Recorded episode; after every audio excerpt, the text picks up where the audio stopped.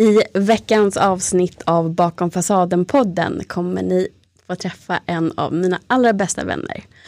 Och hennes historia har fascinerat mig ända sedan vi började mässa med varandra och eh, vi har så otroligt fina samtal så att det känns jättefint att få dela dem med er.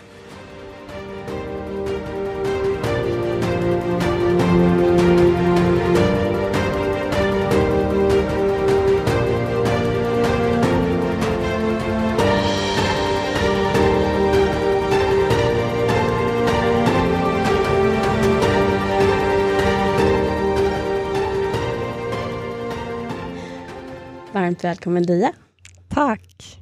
Hur känns det att vara här? Ja, nu rös jag när jag pratade om inledningen. Det känns jättespännande och eh, det här är lite utanför min comfort zone. Eh, så att det är nervöst, mm. men eh, jättekul. När du frågade så kände jag bara att eh, ja, jag måste säga ja på det här. Eh, det ska bli jättespännande.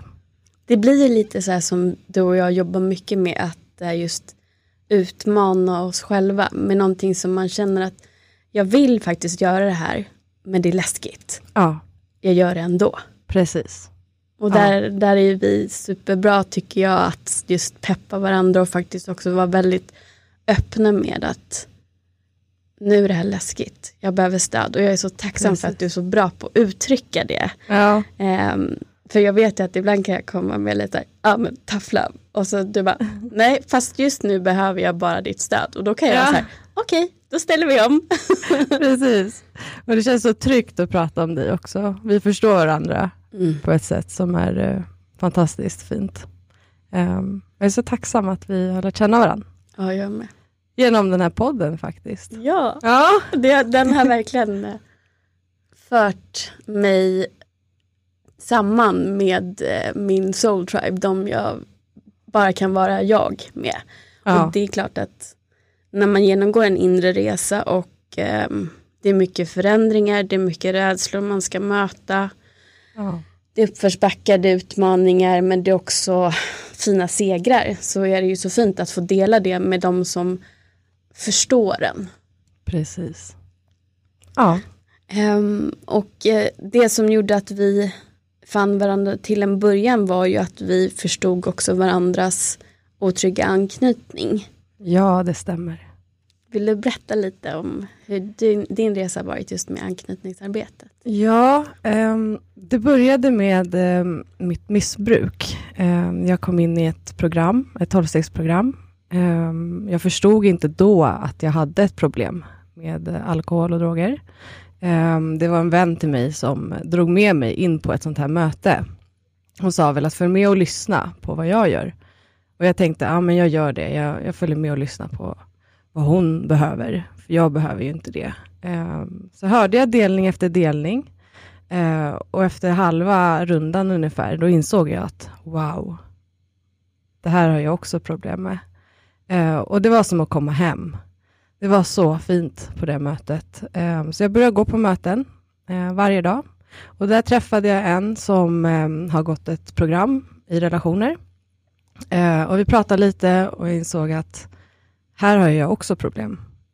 Um, så på den vägen började jag tänka på relationer och hur det har varit för mig. Mm. men det tog ett tag, ett år ungefär, uh, och jag var nykter. Uh, och insåg att relationer fungerar inte alls.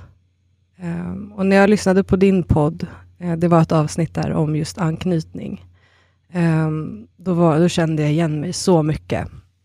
Så att jag, ja, det var där som jag kontaktade dig. Mm. Och jag kommer ihåg att jag grät så mycket under det, den tiden, när jag insåg det här. Eh, och nu har väl jag eh, förstått att det här är det viktigaste i mitt liv. Jag har alltid försökt att inte känna och inte ha relationer därför att jag visste att det fungerade inte. Men eh, nu har jag insett att eh, det är så viktigt. Mm. Eh, alltså det är lika viktigt som att äta eller dricka, om inte viktigare.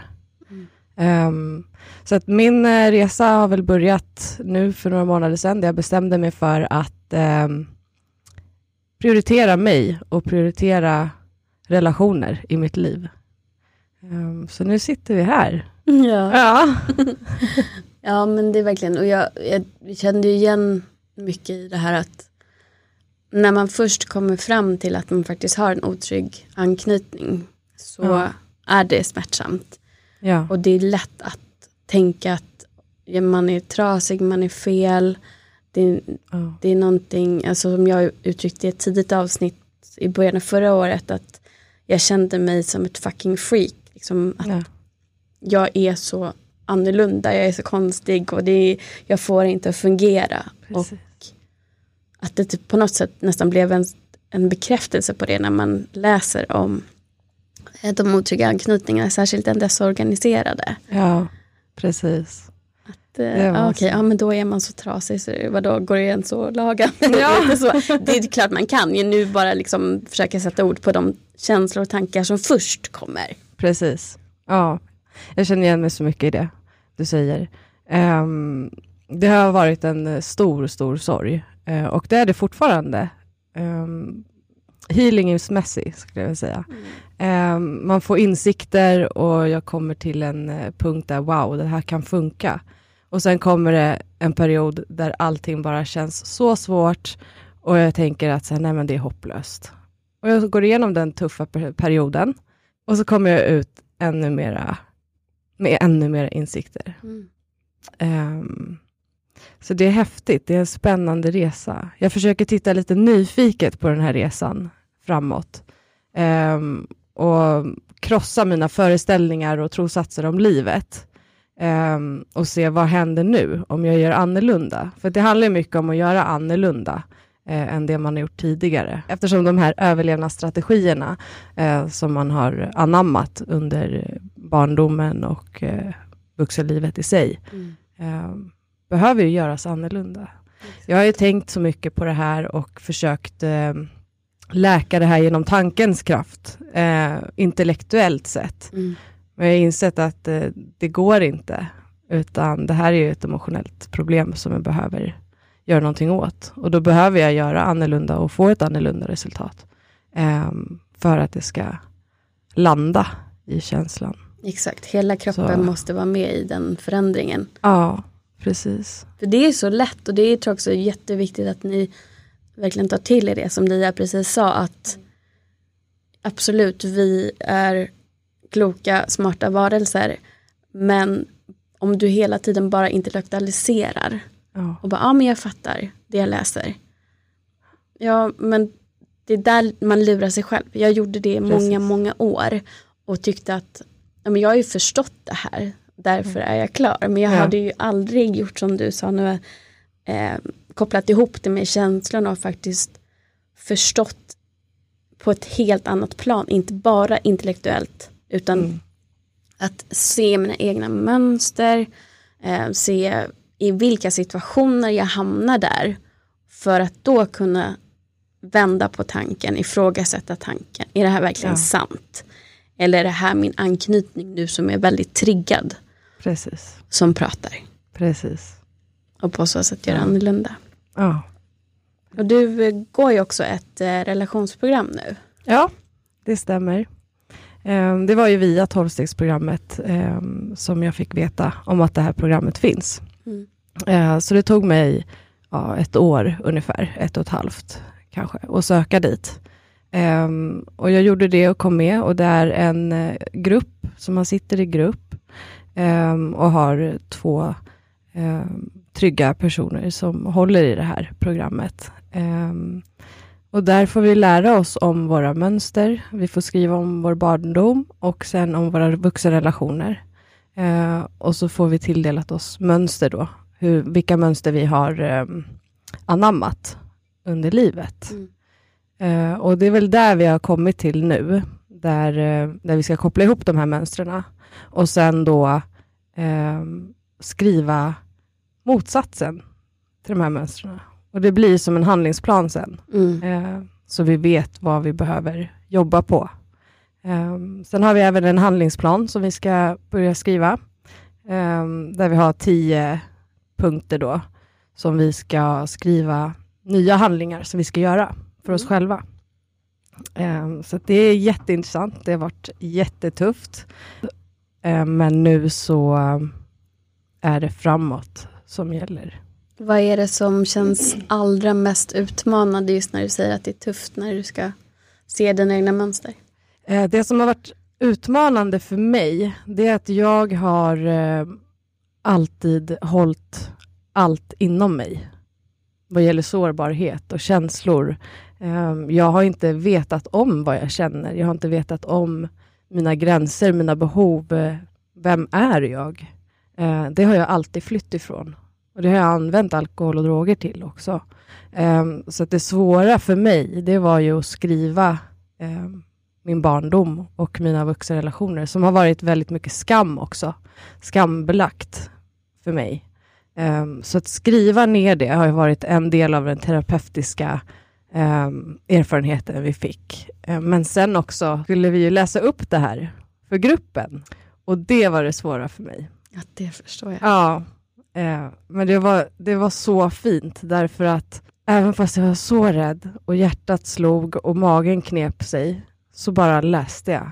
Och efteråt så fick vi uh, speglingar av allihopa. Och det var som att landa så mjukt i det. Um, ja, häftig upplevelse. Ja.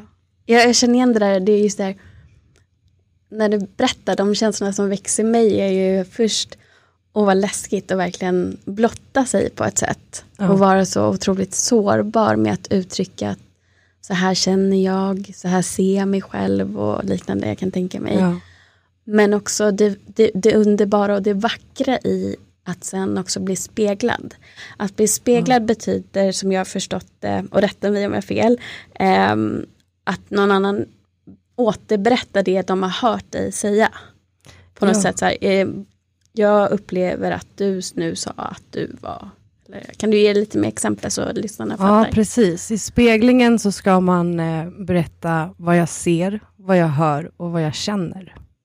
Eh, och det är en väldigt eh, kort spegling. Eh, där om jag tittar på dig nu så säger Helena, jag ser att du tittar på mig och ler. Mm. Eh, jag hör, och så säger man då vad man hör i den här texten. Eh, och vad, vad för känsla jag får mm, i den. Mm.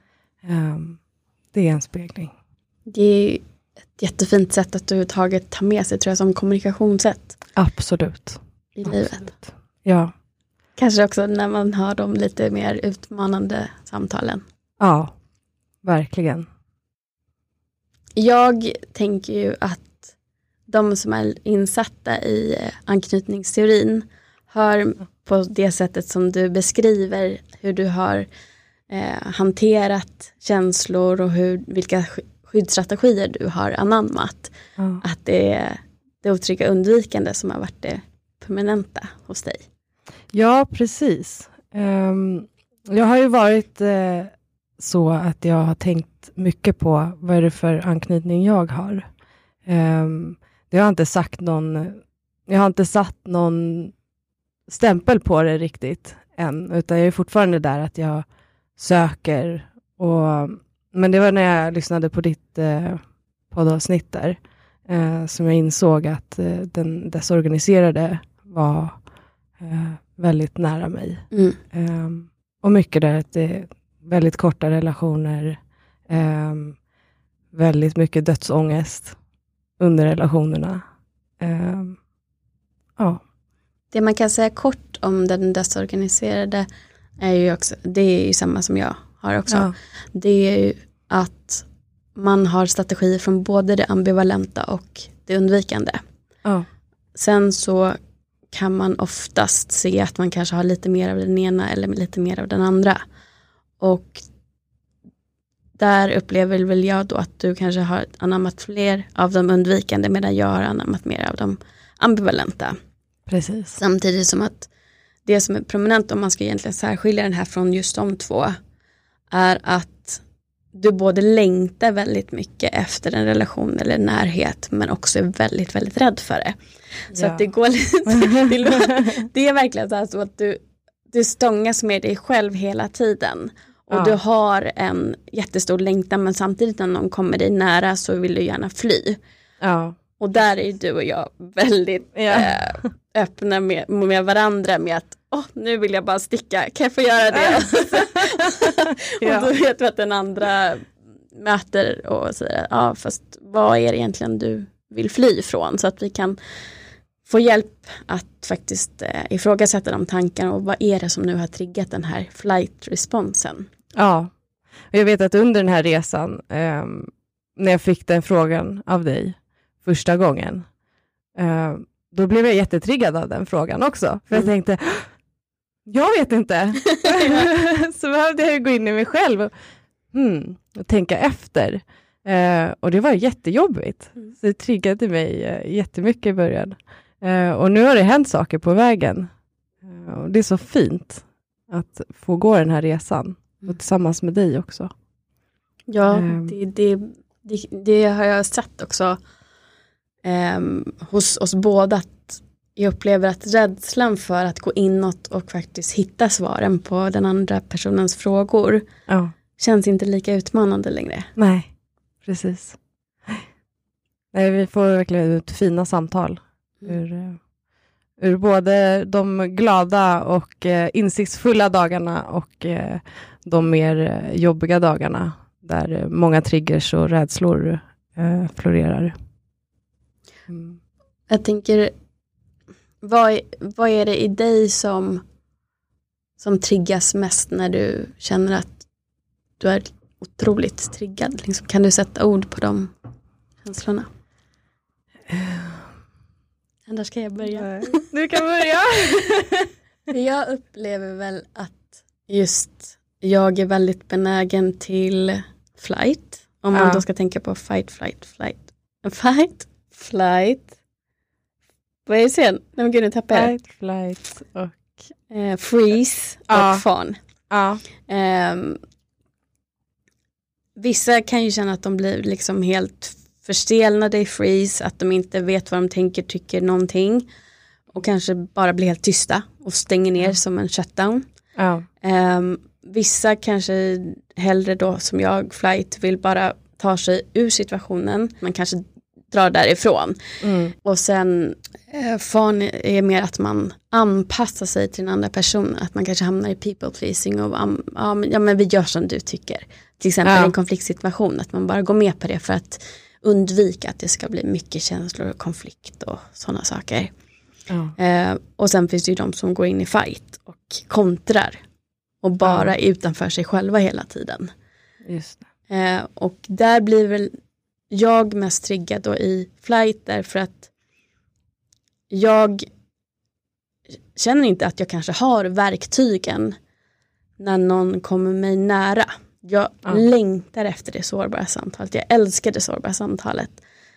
Men samtidigt så är det som att min hjärna analyserar hela tiden.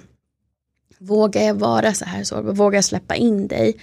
Eller kommer du ta mitt hjärta om jag ger det till dig och knyckla ihop det? Ja. Och ha sönder det? Och då är det fortfarande så att det aktiveras när någon kommer för nära. Att rädslan kanske går upp till åtta. Ja. Eh, och viljan att ge bort mitt hjärta får bara en sexa. Mm. Och då väljer man att låta bli, att undvika. Och det är där jag går in i det undvikande Just det. istället. Mm. Att liksom rädslan vinner. Och det är Mm. det man, som jag uttryckte tidigare, att man hela tiden kämpar mot sig själv på ett sätt. Just det. Eh, medan då det ambivalenta kanske är på då så här, ja men du vill ju komma nära, kom igen nu, han, han Ja. möter dig det här, han är fin. Mm. Ja okej. Och så Ja. försöker man lite och så ah, blir det jätteläskigt. Och Mm. där har ju jag lärt mig att då ta det som verktyg att vända mig till dig eller Sofie till exempel istället. Ja. För att agera på det. Att Just det. man kör en, som ni gör i tolvstegsprogrammen, att man kör en delning. Ja, precis. Mm. Ehm, när vi pratar om det så känner jag att jag eh, varierar lite i de här. I början så är det mycket fan. Mm. Eh, freeze händer i situationer.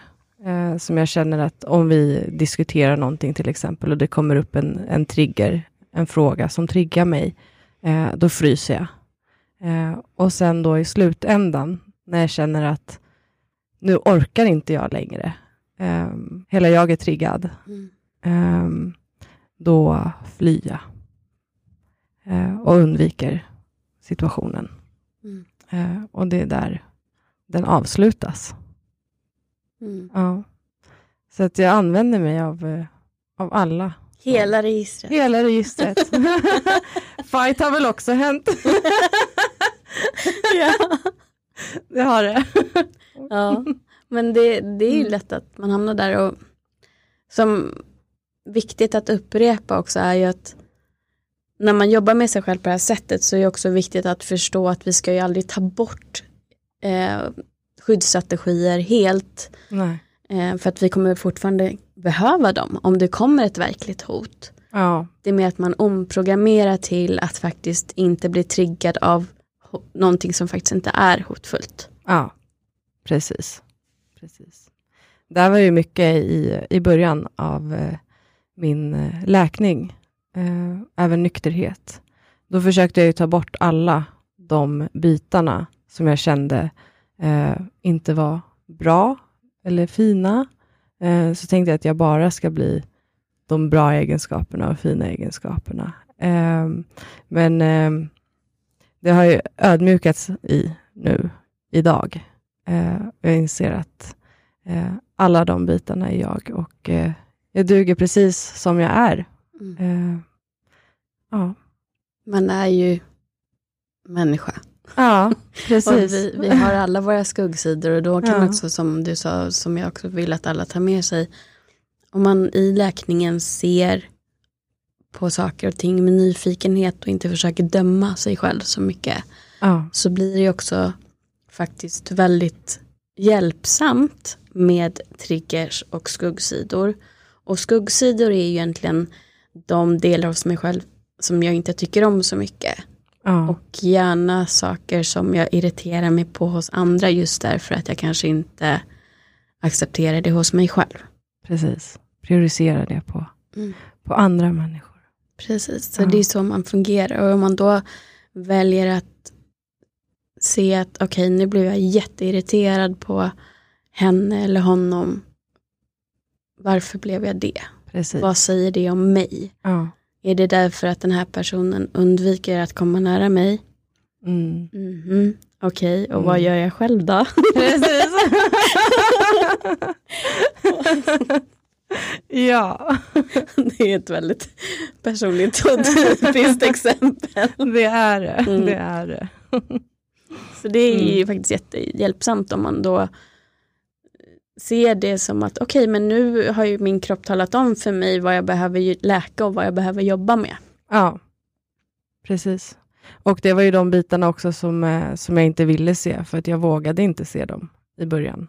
Ehm, så att det har ju gått med tiden, eh, så har det öppnat upp sig sanningar allt eftersom, under, eh, ja, när jag har varit redo att se dem.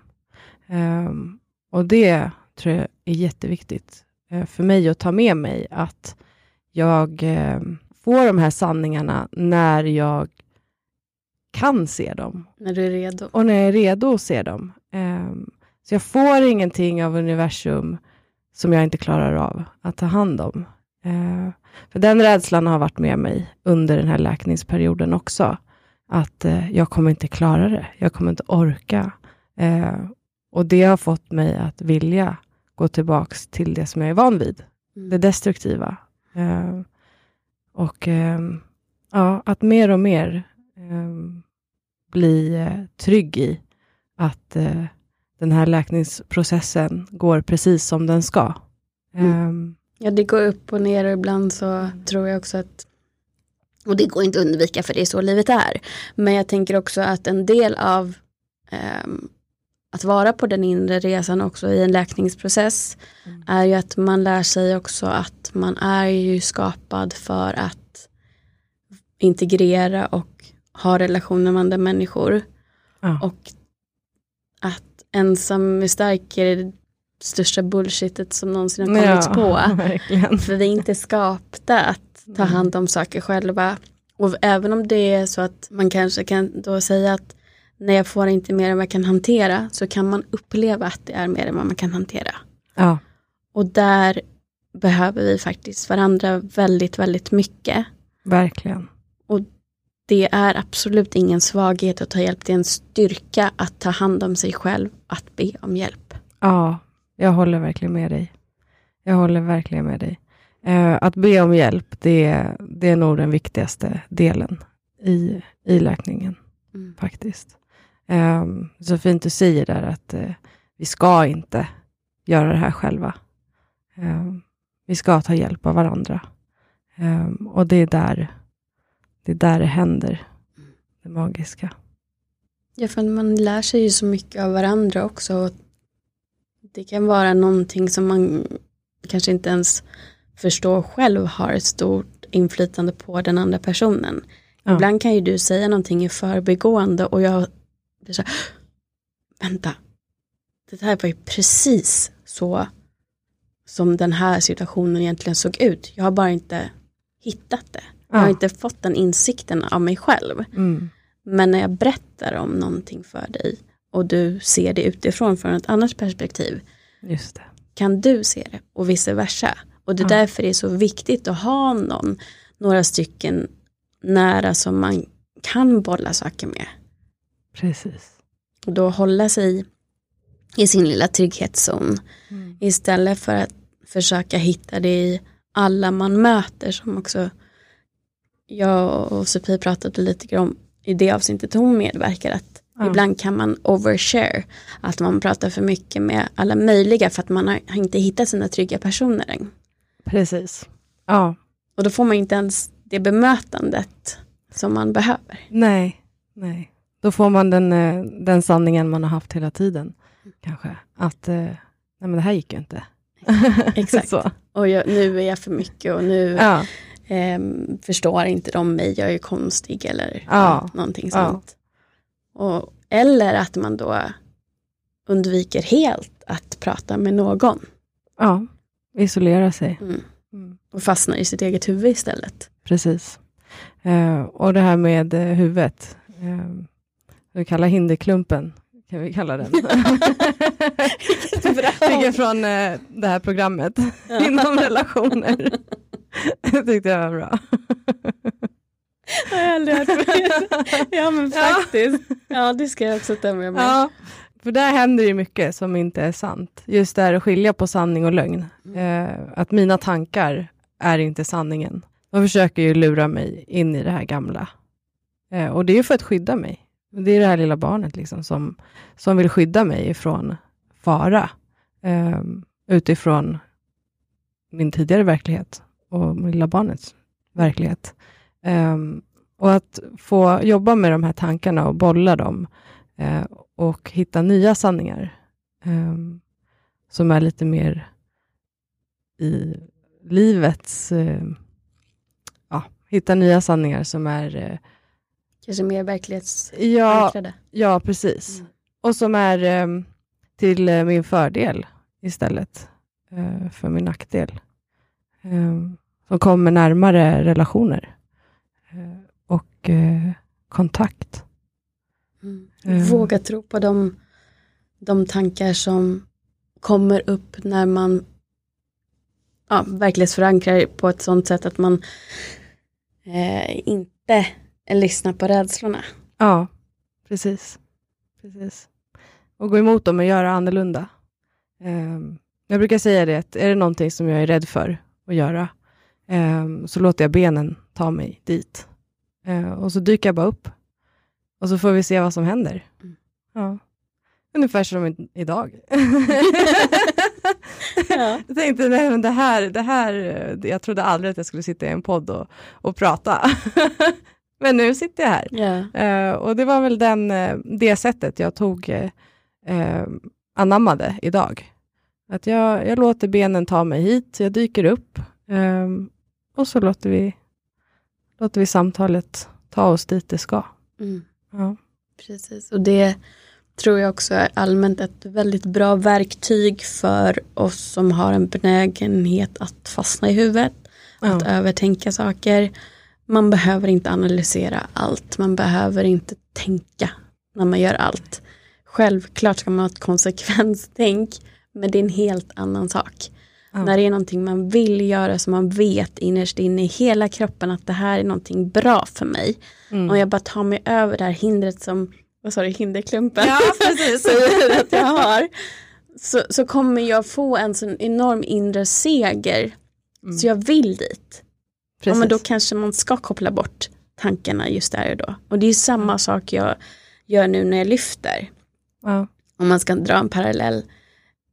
Och där pratade jag och min tränare om också skillnaden idag gentemot för sex år sedan när vi började träna ihop. Ja. Att han sa att, ja fast då visste inte jag på samma sätt heller hur man skulle tänka för att det har kommit massa ny forskning med hur man ska tänka i just eh, tyngdlyft och Ja. man behöver inte alls tänka på svank lika mycket som man alltid trott och sådana saker.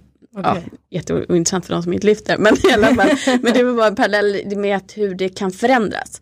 Ja. Och sen, han, och sen så hade ju inte du lika mycket fuck it-tänk. Som Nej, man uttryckte det.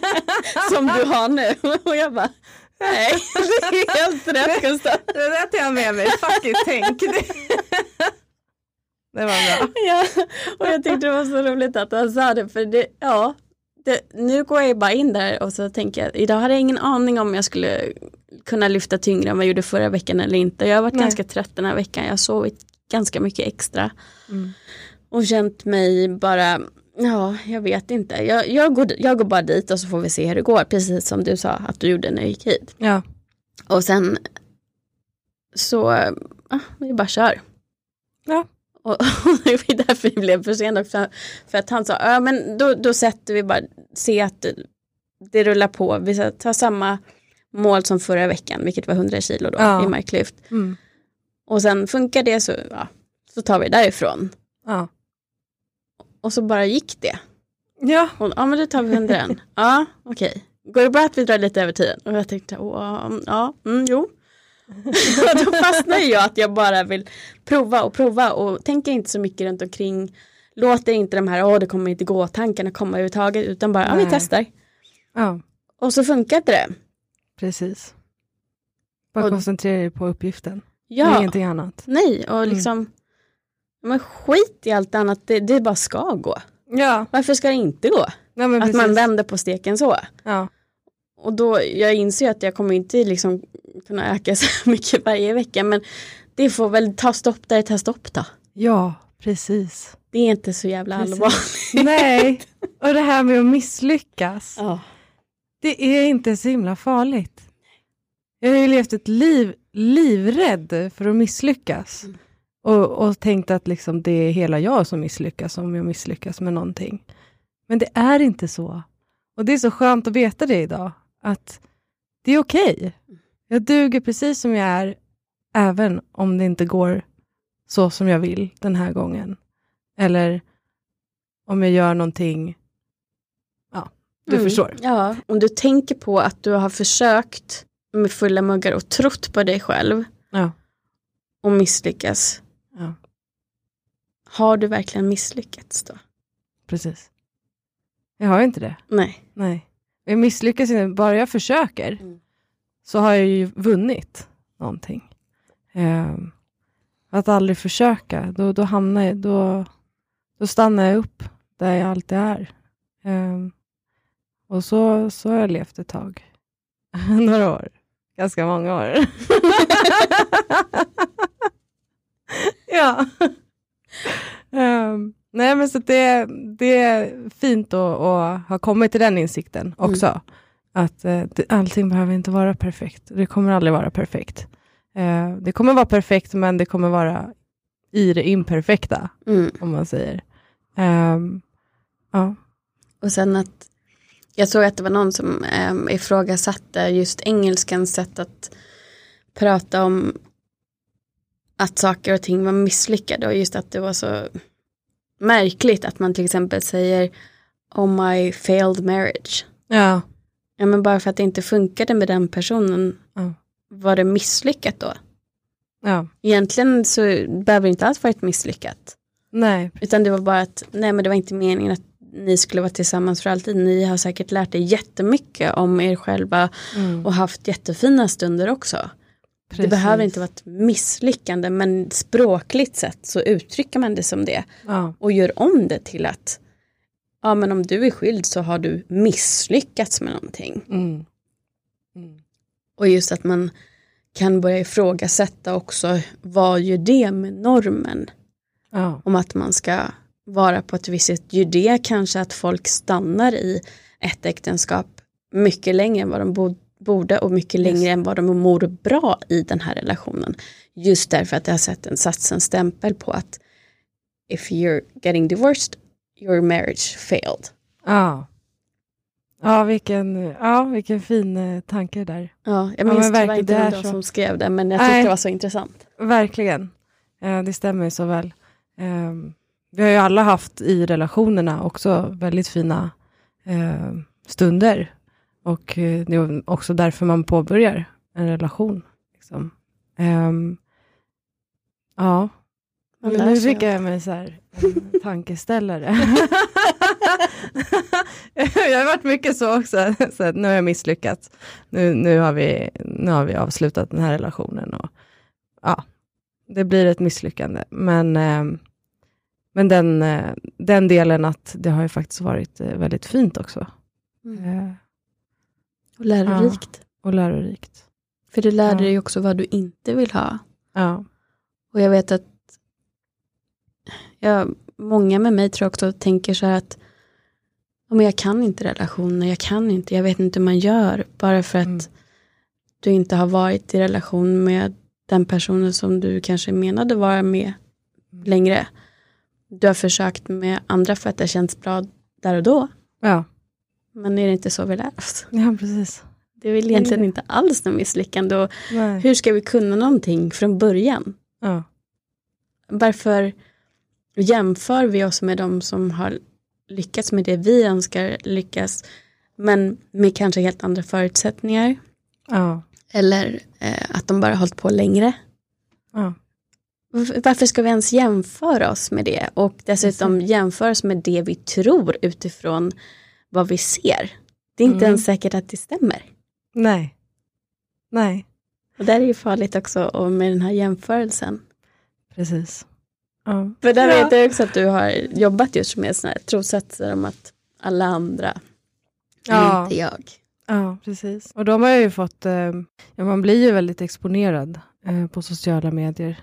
Det är oftast att man lägger upp eh, bilder och texter från eh, bra stunder och fina stunder. Eh, inte så mycket från den andra sidan.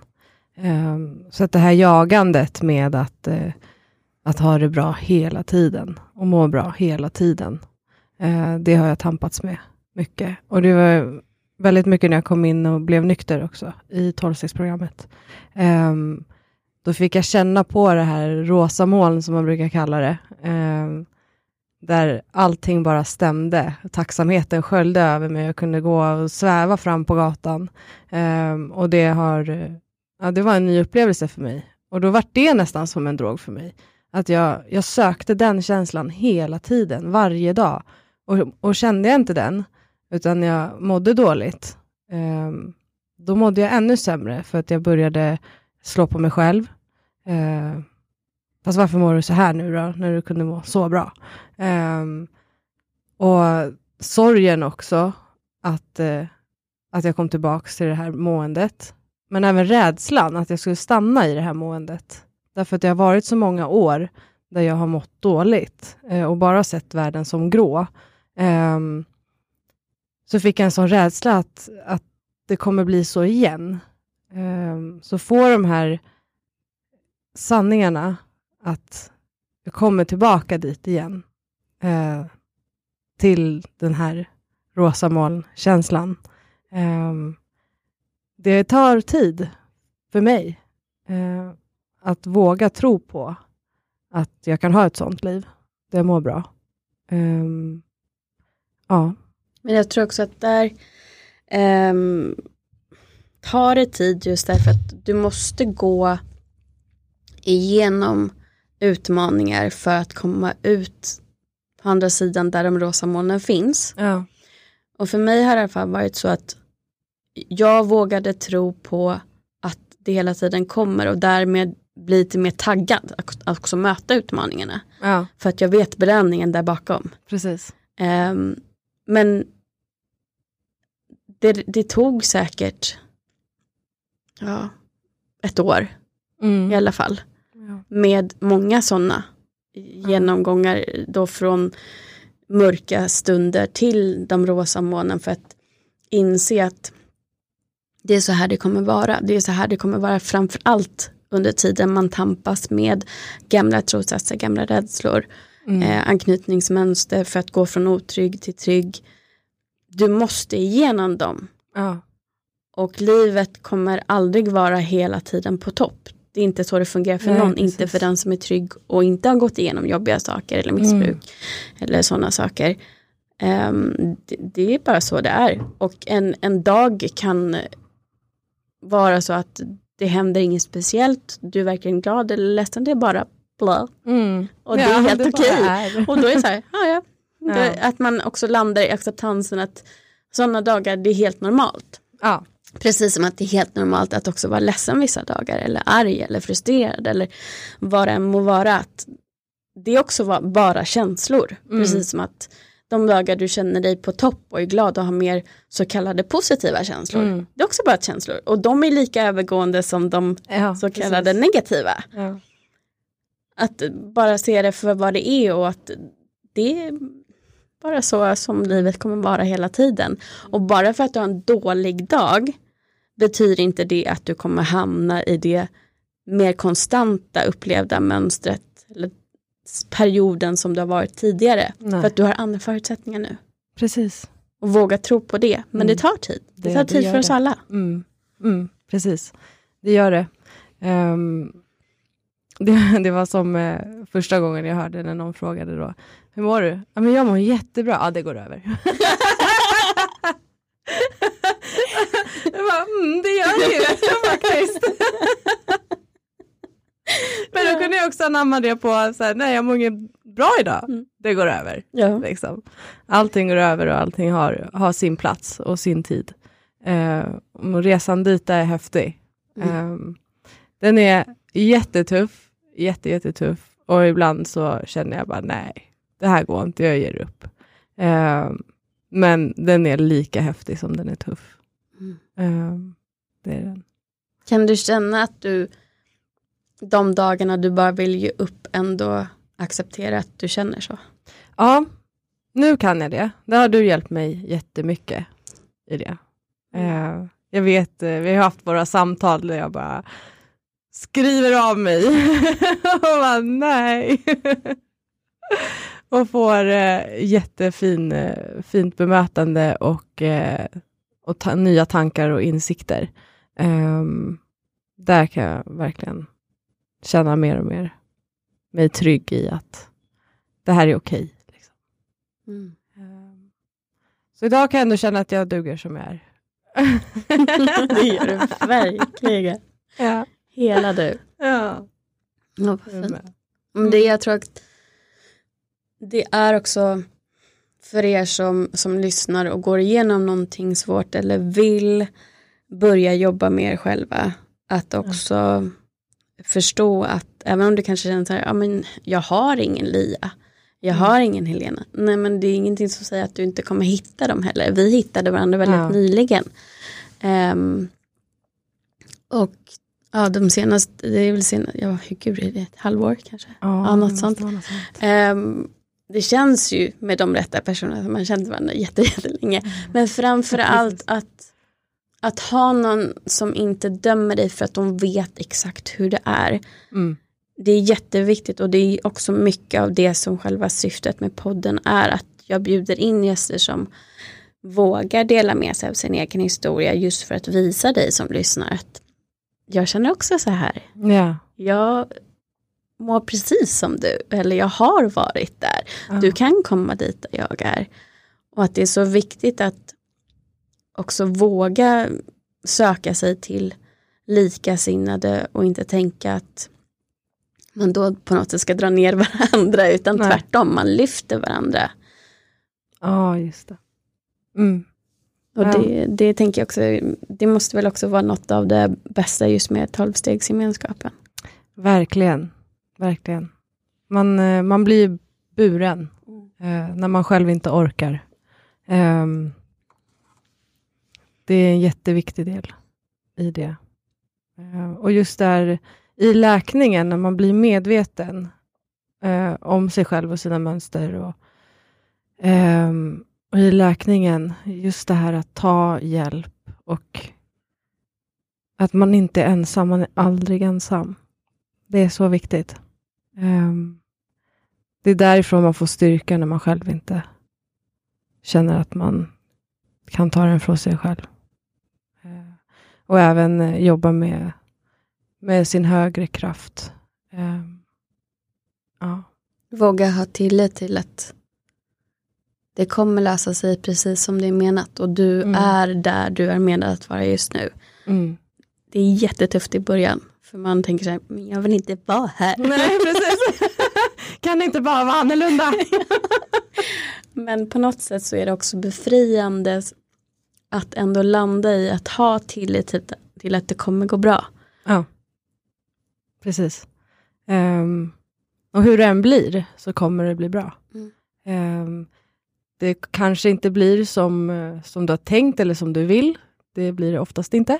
Eh, men det blir bra och det blir ofta mycket bättre också. Ehm, det är många gånger som jag har hamnat i en situation där, ehm, där inte saker och ting blir som jag vill. Men sen går tiden och så ska jag tänka tillbaka och tänka wow, det här utfallet har jag inte ens kunnat komma fram till själv. Mm men kolla vad bra det blev. Precis. Eh, ja, Och det är lite det som också gör att det faktiskt fungerar att tro på att det finns någonting högre än oss ja, som ändå har någon typ av finger med i spelet därför att just när det händer saker som man känner bara, men jag, jag vill det här, varför går det inte? mm, Varför är det så svårt för mig? Varför är det så lätt för alla andra att fastna i sådana saker? ja, Och så går det ett halvår och så tittar man tillbaka och inser att nej men gud, jag hade verkligen inte kunnat få det här där. Jag Mm. var inte alls mottaglig egentligen. Jag behövde gå några steg längre på skalan. Jag behövde läka det här först eller det här eller inse olika saker för att egentligen kunna ta emot det så som jag ska ta emot det. precis. Och då Mm. börjar man liksom nästan lite skratta åt sig själv där man var Ja. sex månader tidigare. Allting var så svårt och omöjligt. Precis. ja. Det här med affirmationer också. ehm, när man vill någonstans. Um, tänker, ja, men jag, jag vill eh, hamna eh, på den här platsen. Men jag ser absolut inte vägen dit. Det är omöjligt att komma dit. Eh, men bara att tänka sig, nej men dit vill jag, men jag vet inte hur. Och sen då att komma till det där, eh, när man väl står där och bara, wow, det var så här. Mm. Det är ju högre makt för mig. Mm. Ehm, ja. Jag tycker det är så också fint när man ändå har samlat på sig sin lilla verktygslåda. Ja. Att då kunna se saker som att okej, vart vill jag? Jag vill dit. Mm. Vad kan jag ta ur min verktygslåda för att nå dit? Mm. Ja, jag kanske behöver en terapeut som kan bolla, som kan spegla, ja, som kan vägleda mig dit jag inte kan ta mig själv. För att precis. jag sitter ju inuti mitt huvud. Ja, exakt. Sådana saker. Och jag kanske behöver ha någon som också håller mig ansvarig för att faktiskt göra det här för mig själv. Mm.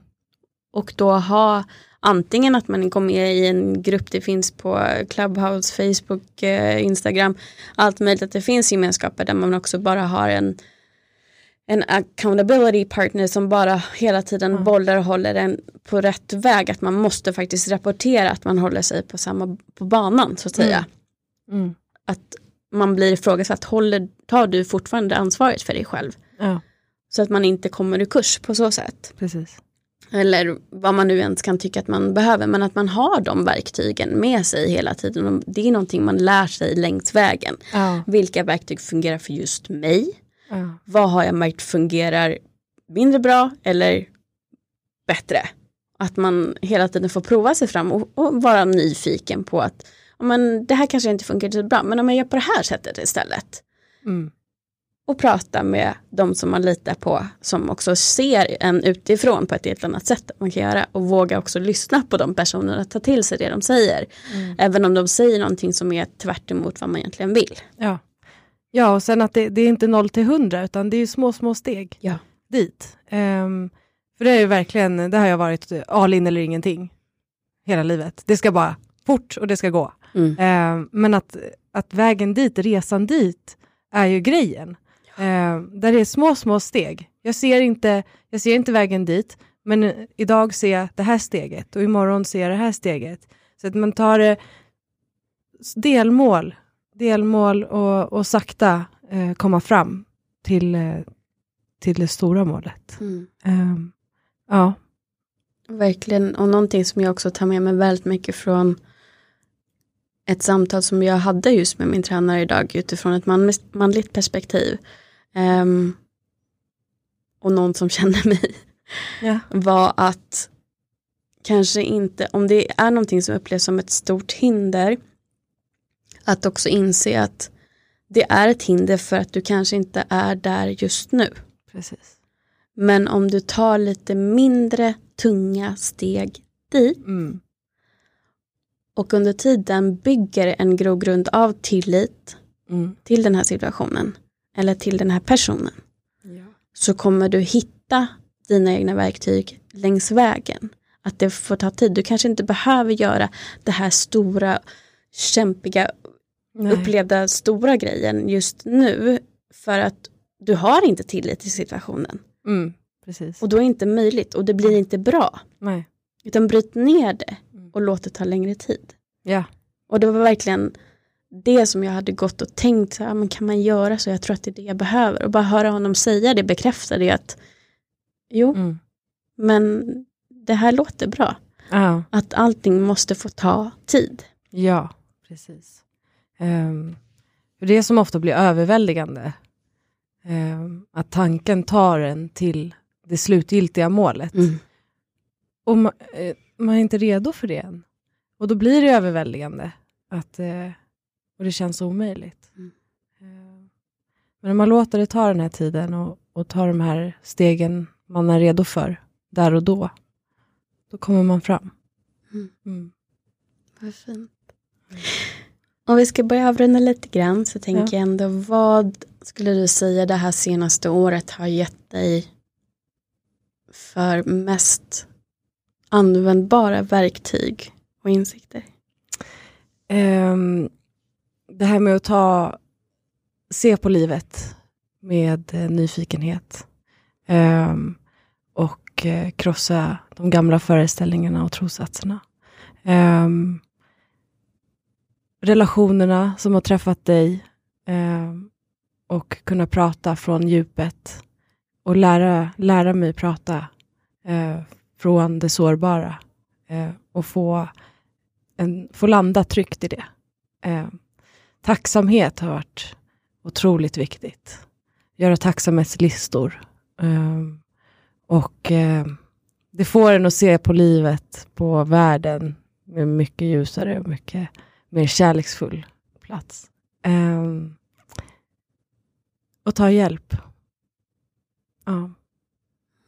Gud, jag kan inte prata nu. Jag, jag är jätte, jättetacksam för dig också. Mm. Ja. Men ja, jag, jag tänker att vi ska avsluta där och jättetack för att du är du, precis som du är och för att du ställer upp och delar med dig till alla som behöver höra det här idag. Tack Helena. Och till alla som lyssnar som vanligt, hör av er om ni behöver och tills vi hörs nästa gång, ta hand om dig.